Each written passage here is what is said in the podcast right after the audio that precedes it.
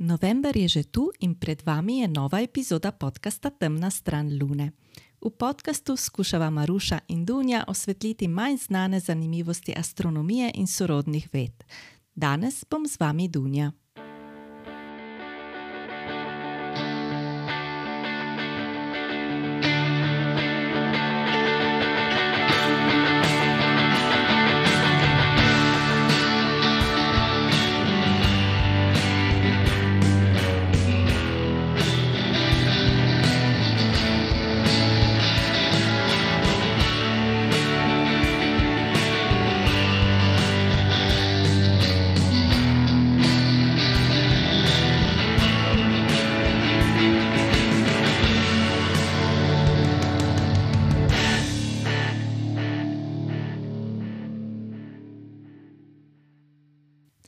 Lepo pozdravljeni poslušalci in poslušalke.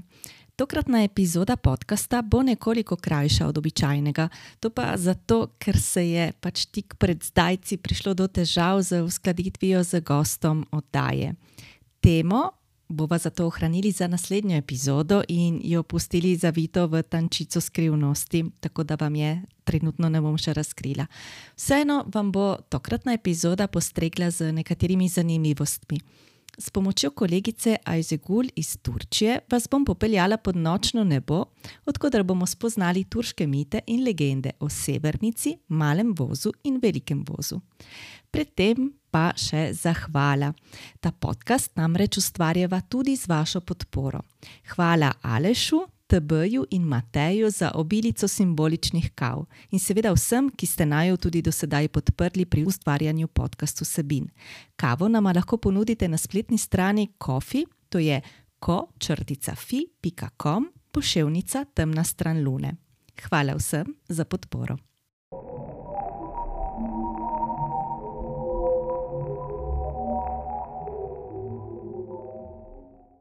V tokratni epizodi se bomo srečali z miti in legendami turških ljudstev. In kot sem se podučila, sestavljajo turška ljudstva etnojezikovne skupine na območju Srednje, Vzhodne, Severne in Zahodne Azije ter v nekaterih delih Evrope. Govorijo jezikovno sorodne jezike, ki spadajo v turško jezikovno družino. Posnetek, ki ga boste sedaj slišali, je nastal letos poleti v Maroku, v mestu Ifran. Uh, takrat smo bili na delavnici Steam Med, na kateri smo sodelovali predstavniki različnih sredozemskih držav, in en večer je bil namenjen nočnemu opazovanju, uh, tudi širši pač tam prisotni javnosti in je bil posvečen obrazložitvi legend in mitov o zvezdih in planetih na nebu.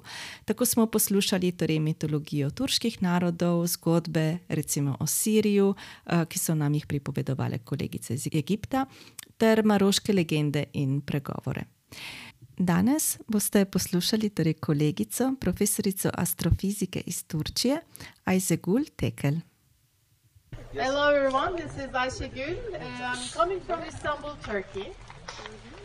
I'm not originally a Turk, actually, but since I am representing Turkey here, I will be talking about the Turkish mythology from Central Asia and uh, Siberia, mostly the Red Turks as known from the history, which yes. were living in the Arctic Ocean and Central Asia.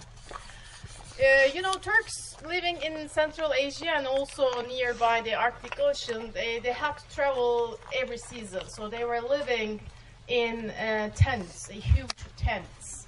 And every tent uh, had a very strong pillar who was also holding the tent from falling down. So this was part of their daily life. According to their beliefs also, they had the sky god which some Turks were known as the Gök Turks. Maybe you heard of them. And there was this uh, Argenekon um, pillars of Gök Turks, which means sky Turks. They believed in, in a god in the skies who also um, created the sky, uh, lives somewhere upper uh, than the sky. So uh, they were thinking of the sky as a celestial body, heavenly body. They also had some gods for the moon and the sun and so on. or goddesses sometimes. Slišali ste torej Aizegul, ki je pripovedovala o tem, da so Turki iz Srednje Azije nebo primerjali s svojimi šotori. Zvezdo Severnico so pojmovali kot stebr neba in jo pojmenovali železni stebr ali zlati stebr, in o tem bomo slišali tudi kasneje. Aisha mi je posredovala še nekaj dodatnih informacij, ki jih tukaj z vami delim. Severnica je predstavljala tudi sveta vrata ki so povezovala nebesa in zemljo. In tako berem, je bila meja, ki je ločevala nebo in zemljo, kraljestvo duha in materialni svet ter človeka in Boga. Po mnenju turških jakutov, ki so živeli na obalah Severnega ledenega morja, je bilo v središču zemlje železno drevo, ki je segalo do severne zvezde. Ta železni steber srednjeazijskih Turkov je med Jakuti torej dobil obliko železnega drevesa. In to poimenovanje Jakutov je verjetno bilo pod vplivom prepričanja o drevesu življenja. Drevo življenja naj bi bil temeljni arhetip v številnih tradicijah. Koncept drevesa življenja mogoče izvira iz Srednje Azije, odkuder naj bi ga tudi druge kulture prevzele obstaja drevo spoznanja, ki naj bi povezovalo nebesa in podzemlje, in tudi drevo življenja, ki naj bi povezovalo vse oblike stvarstva. In to sta obliki svetovnega ali, da jim rečemo, kosmičnega drevesa. In v različnih religijah in filozofijah sta obe drevesi prikazani v bistvu kot isto drevo. No, če se povrnemo k severnici kot železnemu stebru, naj povemo še, da ugrofinska plemena, ki so živela v severozahodni Sibiriji, so severnico poimenovala nebeški stebr. In ta izraz, oziroma pač podobni izrazi, so se razširili torej tudi med Fince in celo na obale Baltskega morja. So in Central Asian Turks, it started with the, uh, their daily life routine. So the North Star uh, stays there uh, all night long if you pay attention to that. And all the other stars look like they are uh, revolving around the, big, the, the North Star.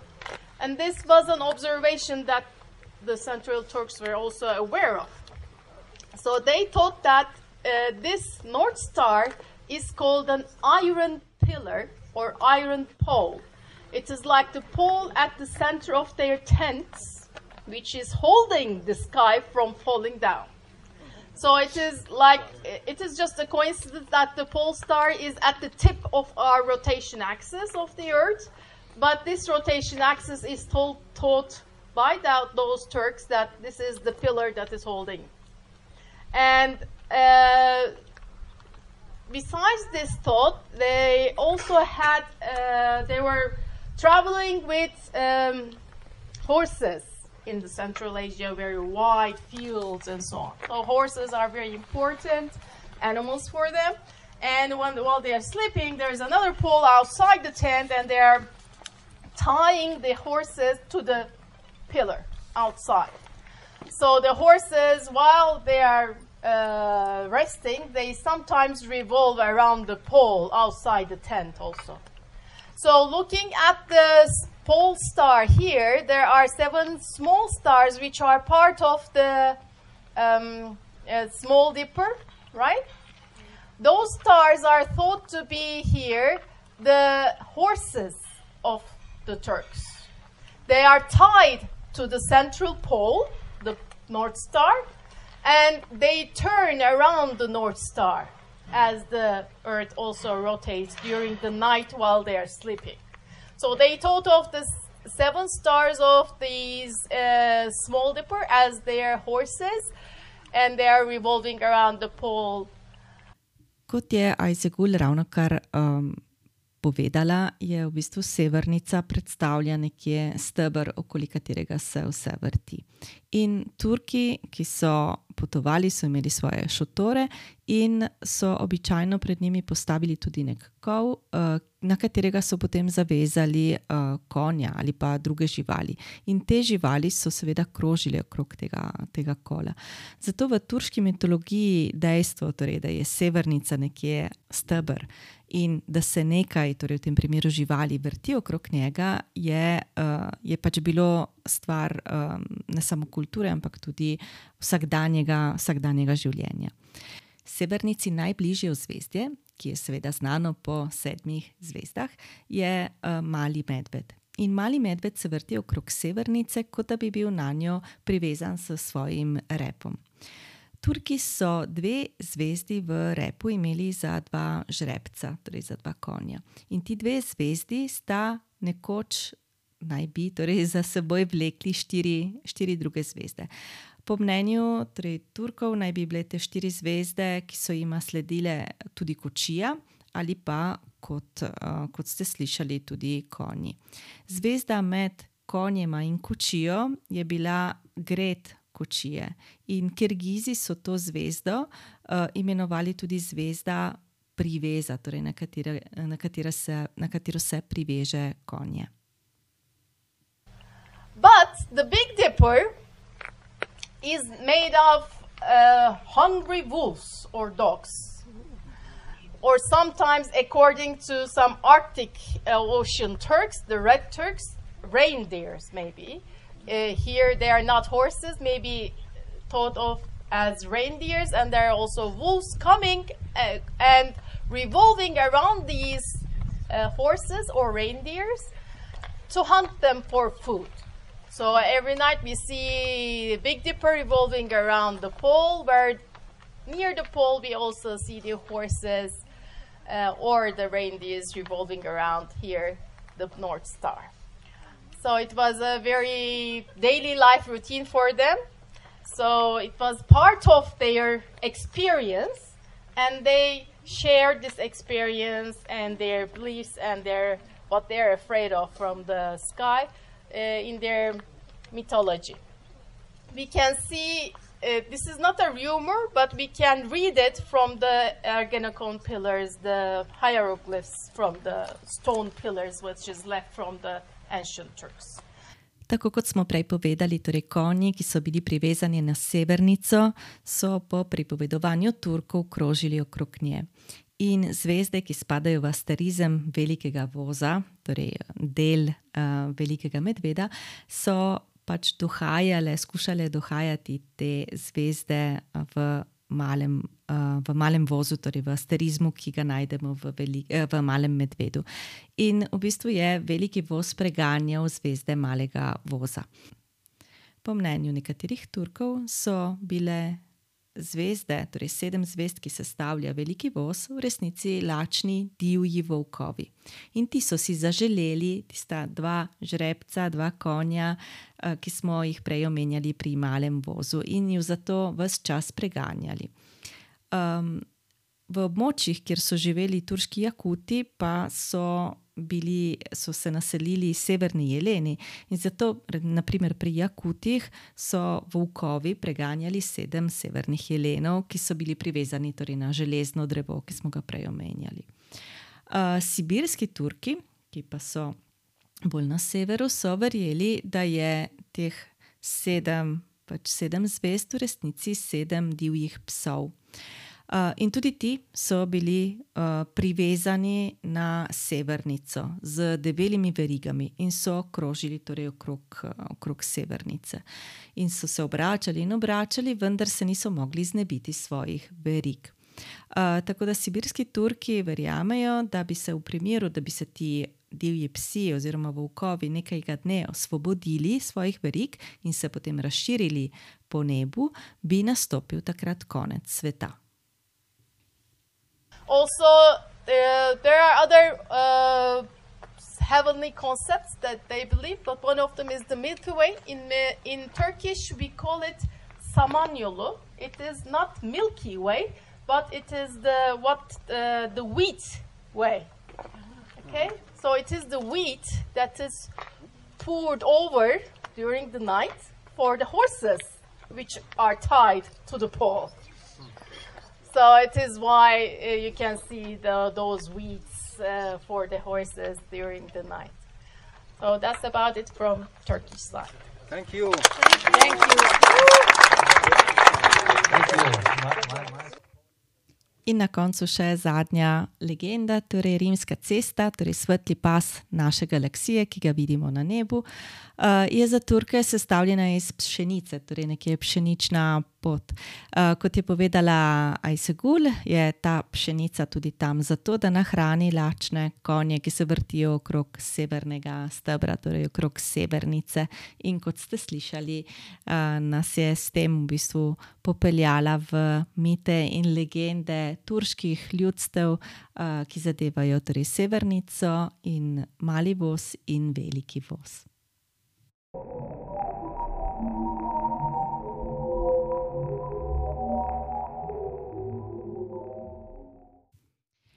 Prejdemo sedaj še na nekaj astronomskih zanimivosti in novic. Sredi oktobra je v vesolje poletela misija Psihe. Njen cilj je raziskati kovinski asteroid z istim imenom, torej asteroid 16 Psihe. Misija bo do njega dospela čez šest let, avgusta leta 2029. In zakaj ravno Psihe? Asteroid je bil odkrit leta 1852 in je bil takrat 16. znani odkriti asteroid. Nahaja se v asteroidnem pasu, torej njegova orbita med orbito Marsa in orbito Jupitra. In psihe, kot sem povedala, je poseben asteroid. Radarska opazovanja z Zemlje pač kažejo na to, da je ta asteroid kovinski. Asteroidi so običajno kamnite skale, ki imajo velikosti od 10 metrov do nekaj 100 km. In znanih asteroidov je milijon 300 tisoč. Toda za razliko od večine asteroidov jih je kovinskih samo le nekaj deset. Torej, med kovinsko bogatimi asteroidi je psihe najverjetneje največji. In od tu tudi torej, vprašanje, zakaj oziroma kako so ti posebni s kovinami bogati asteroidi sploh nastali. Osončje, torej Sonce in njegovi planeti, naj bi nastali znotraj diska iz prahu in plina, torej protoplanetarnega diska. V takem disku naj bi najprej nastale manjše trdne kamnite kepe velikosti do približno 100 km, ki jim pravimo planetezimali. In zaradi številnih trkov, do katerih je prišlo pač v tem protoplanetarnem disku, naj bi se ti planetezimali zlepili v večje kepe, v zametke planetov oziroma v protoplanete. Zaradi trkov, radioaktivnosti in tlaka naj bi se pač ti deli protoplanetov tudi stalili. In v staljenih delih naj bi težji elementi nekje potonili proti središču tega protoplaneta, uh, lažji elementi pa nekje ostali na površju. Dovolj močan trg med protoplaneti bi lahko pač razkril, odstranil skorjo ne, in razkril kovinsko jedro nekega protoplaneta. In to je tudi ena izmed teorij o nastanku kovinskih asteroidov, kot je naš uh, asteroid Psihe. Da bi to teorijo lahko potrdili ali ovrgli, so pri ameriški agenciji NASA pripravili torej misijo. Njen namen je natančno preučiti psihe in razumeti. Skušati razumeti torej njen nastanek. Ker pri ostalih kamnitih planetih ne utegnemo seči do jedra, bi v primeru psihe torej lahko prvič pogledali v protoplanetarno jedro. Torej ne ravno jedro planeta, ampak nekaj, kar se jedru planeta tudi približuje. Asteroid Psihe meri počes približno 200 km in je verjetno nepravilne oblike. Nasina sonda bo ustvarila natančen zemljevid njegove površine, preučila njegovo kamnito kovinsko sestavo, izmerila bo tudi njegov gravitacijski privlak in preverila, ali ima asteroid tudi magnetno polje. Ravno tako bo preverila, ali obstajajo indici o pretekli vulkanski aktivnosti. Poleg vseh teh zanimivosti je misija nekoliko posebna. Pogonski sistem uh, te misije deluje na posebne vrste ionskem pogonu, ki temelji na halovem učinku. Misija pa ima na krovu tudi demonstracijo Deep Space Optical Communications, s katero bodo preizkusili pošiljanje in prejemanje testnih podatkov z uporabo lazerja, eh, ki deluje v bližnji infrardeči svetlobi in ki bo posredoval podatke 10 do 100 krat hitreje od običajnih sistemov, eh, radijskih sistemov, ki se jih običajno uporablja za sonde, ki gredo tako daleč v naše osonče. Demonstracijo bodo naredili čez dve leti, ko bo misija Psihe letela mimo Marsa. Naslednja novica je zelo zanimiva, zato ker nova raziskava, objavljena v reviji Nature, je iz posebnosti v svetlobni krivulji oddaljene zvezde ugotovila, da bi lahko bila pač ta posebnost posledica trčenja dveh ledenih egzoplanetov, ki sta krožila okrog te zvezde. Mednarodna skupina astronomov je v svetlobni krivulji Soncu podobne zvezde, ki je sicer stara samo 300 milijonov let, pred dvema letoma že opazila upad v vidni svetlobi zvezde. Pretekla opazovanja tega sistema pa so pokazala, da je pred tremi leti postala zvezda svetlejša, ampak v infrardeči svetlobi. Astronomi so zato zvezdi ki ima neko tako čudno ime, Assassin 21QJ, posvetili kar dve leti in spremljali njeno spreminjanje svetlosti. Prečesali so več možnosti in za nje najbolj verjetna in tudi mogoče najzanimivejša za, za nas, ki se o tem beremo, eh, je ta, da sta dva eksoplaneta v orbiti okrog te mlade zvezde trčila. Hipotezo eh, je skupina preverjala tudi s pomočjo simulacij, ki nakazujejo, da bi tako temperatura kot velikost nastalega oblaka iz pač teh dveh trčenih planetov lahko se upadala s trkom torej dveh eksoplanetov. Uh, ta egzoplaneta naj bi bila dva ledena velikana, in ob trku naj bi od njih ostala le taka sredica, zgostitev in pa še oblak plina in, in prahu.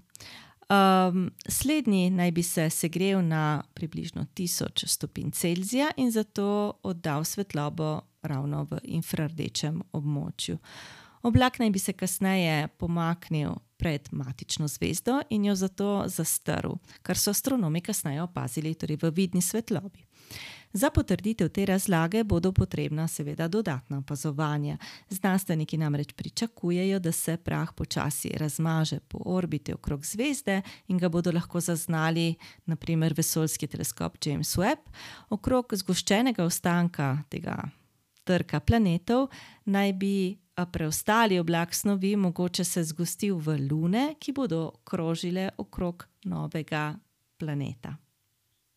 V prejšnji epizodi smo se tudi pogovarjali z Marušo o misiji Euclid-Euclid e, in smo Maruši vsi verjetno zavidali njeno spremljanje vzleta misije.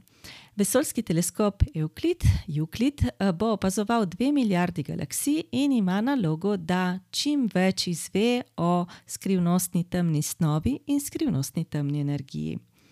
Evropska vesoljska agencija bo pa v torek 7. novembra ob 14.15 po našem času predstavila prvih pet barvnih slik, ki jih je posnel Euclid in ki naj bi po poročanju agencije tudi jasno pokazali zmožnosti tega a, novega teleskopa.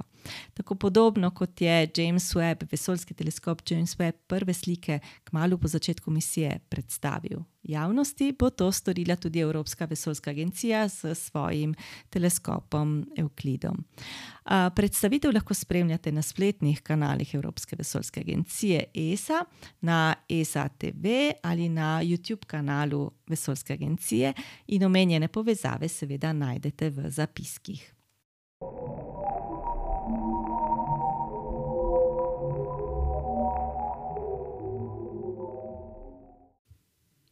Tik predno bi posnela to epizodo, torej v nedeljo zvečer, uh, je bil iz Slovenije viden polarni si.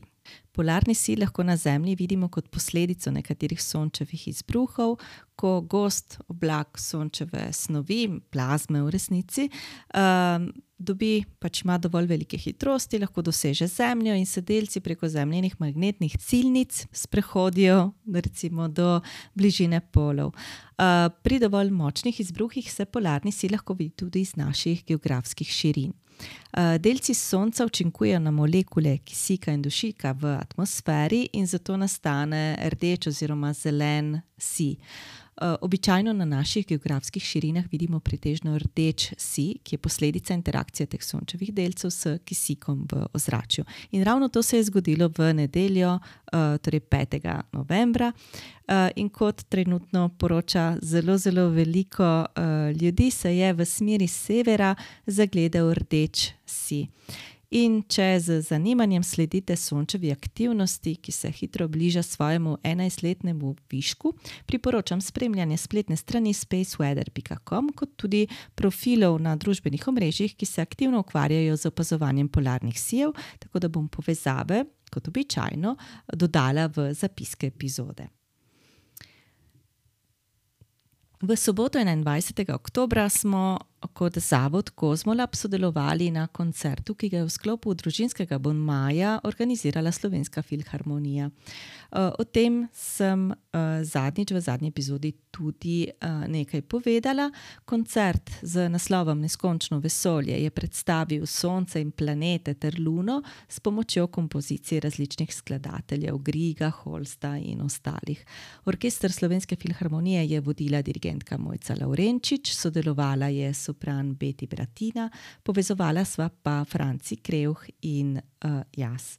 Audio posnetek koncerta je sedaj na voljo v arhivu programa Ars in seveda dobite, najdete torej, um, povezavo tudi v zapiskih. Nekaj dodatnih zvokov iz vesolja in razlag, ki ste jih poslušalci sicer v tem podkastu že slišali v preteklih epizodah v obliki ugank, uh, smo objavili tudi na spletni strani zavoda Kozmolab, tako da povezavo poiščite v zapiskih in prijetno poslušanje koncerta. V zapiskih sva ohranili tudi aplikacije oziroma povezave do aplikacij in strani, s pomočjo katerih lahko preverite, kdaj bo nad vami recimo potovala mednarodna vesoljska postaja. Informacije pa o prizorih na nebu, kot so različne konjunkcije planetov in druge zanimive pojave, ki jih lahko spremljate s prostimi očmi, lahko najdete v knjigi Glej zvezde. Naročite jo lahko na spletni strani Slovenske astronomske revije Spika in za naslednje leto je že možnost prednaročila za znižano ceno, to pa do 30. novembra.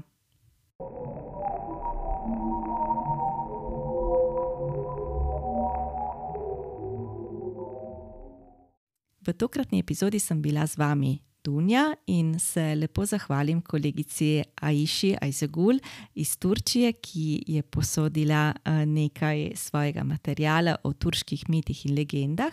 Za glasbeno kuliso temne strani Lune gre zahvala Peliju iz sosednjega podcasta. Opravičujemo se za vse neušečnosti. Prisluhnite Peliju, Alju in Ziju ter jih tudi njih podprite. Slišimo se prvi ponedeljek v decembru. Za vprašanji in željami, mogoče za naslednje epizode, se nama lahko glasite na družbenih omrežjih, kjer naj jo najdete z imenom Temna stran Lune, ali pa nama pišete na uh, e-mail podcast.temna stran lune afna.gmail.com. Želim vam obilo jasnih noči in dober lov na polarni si. Srečno!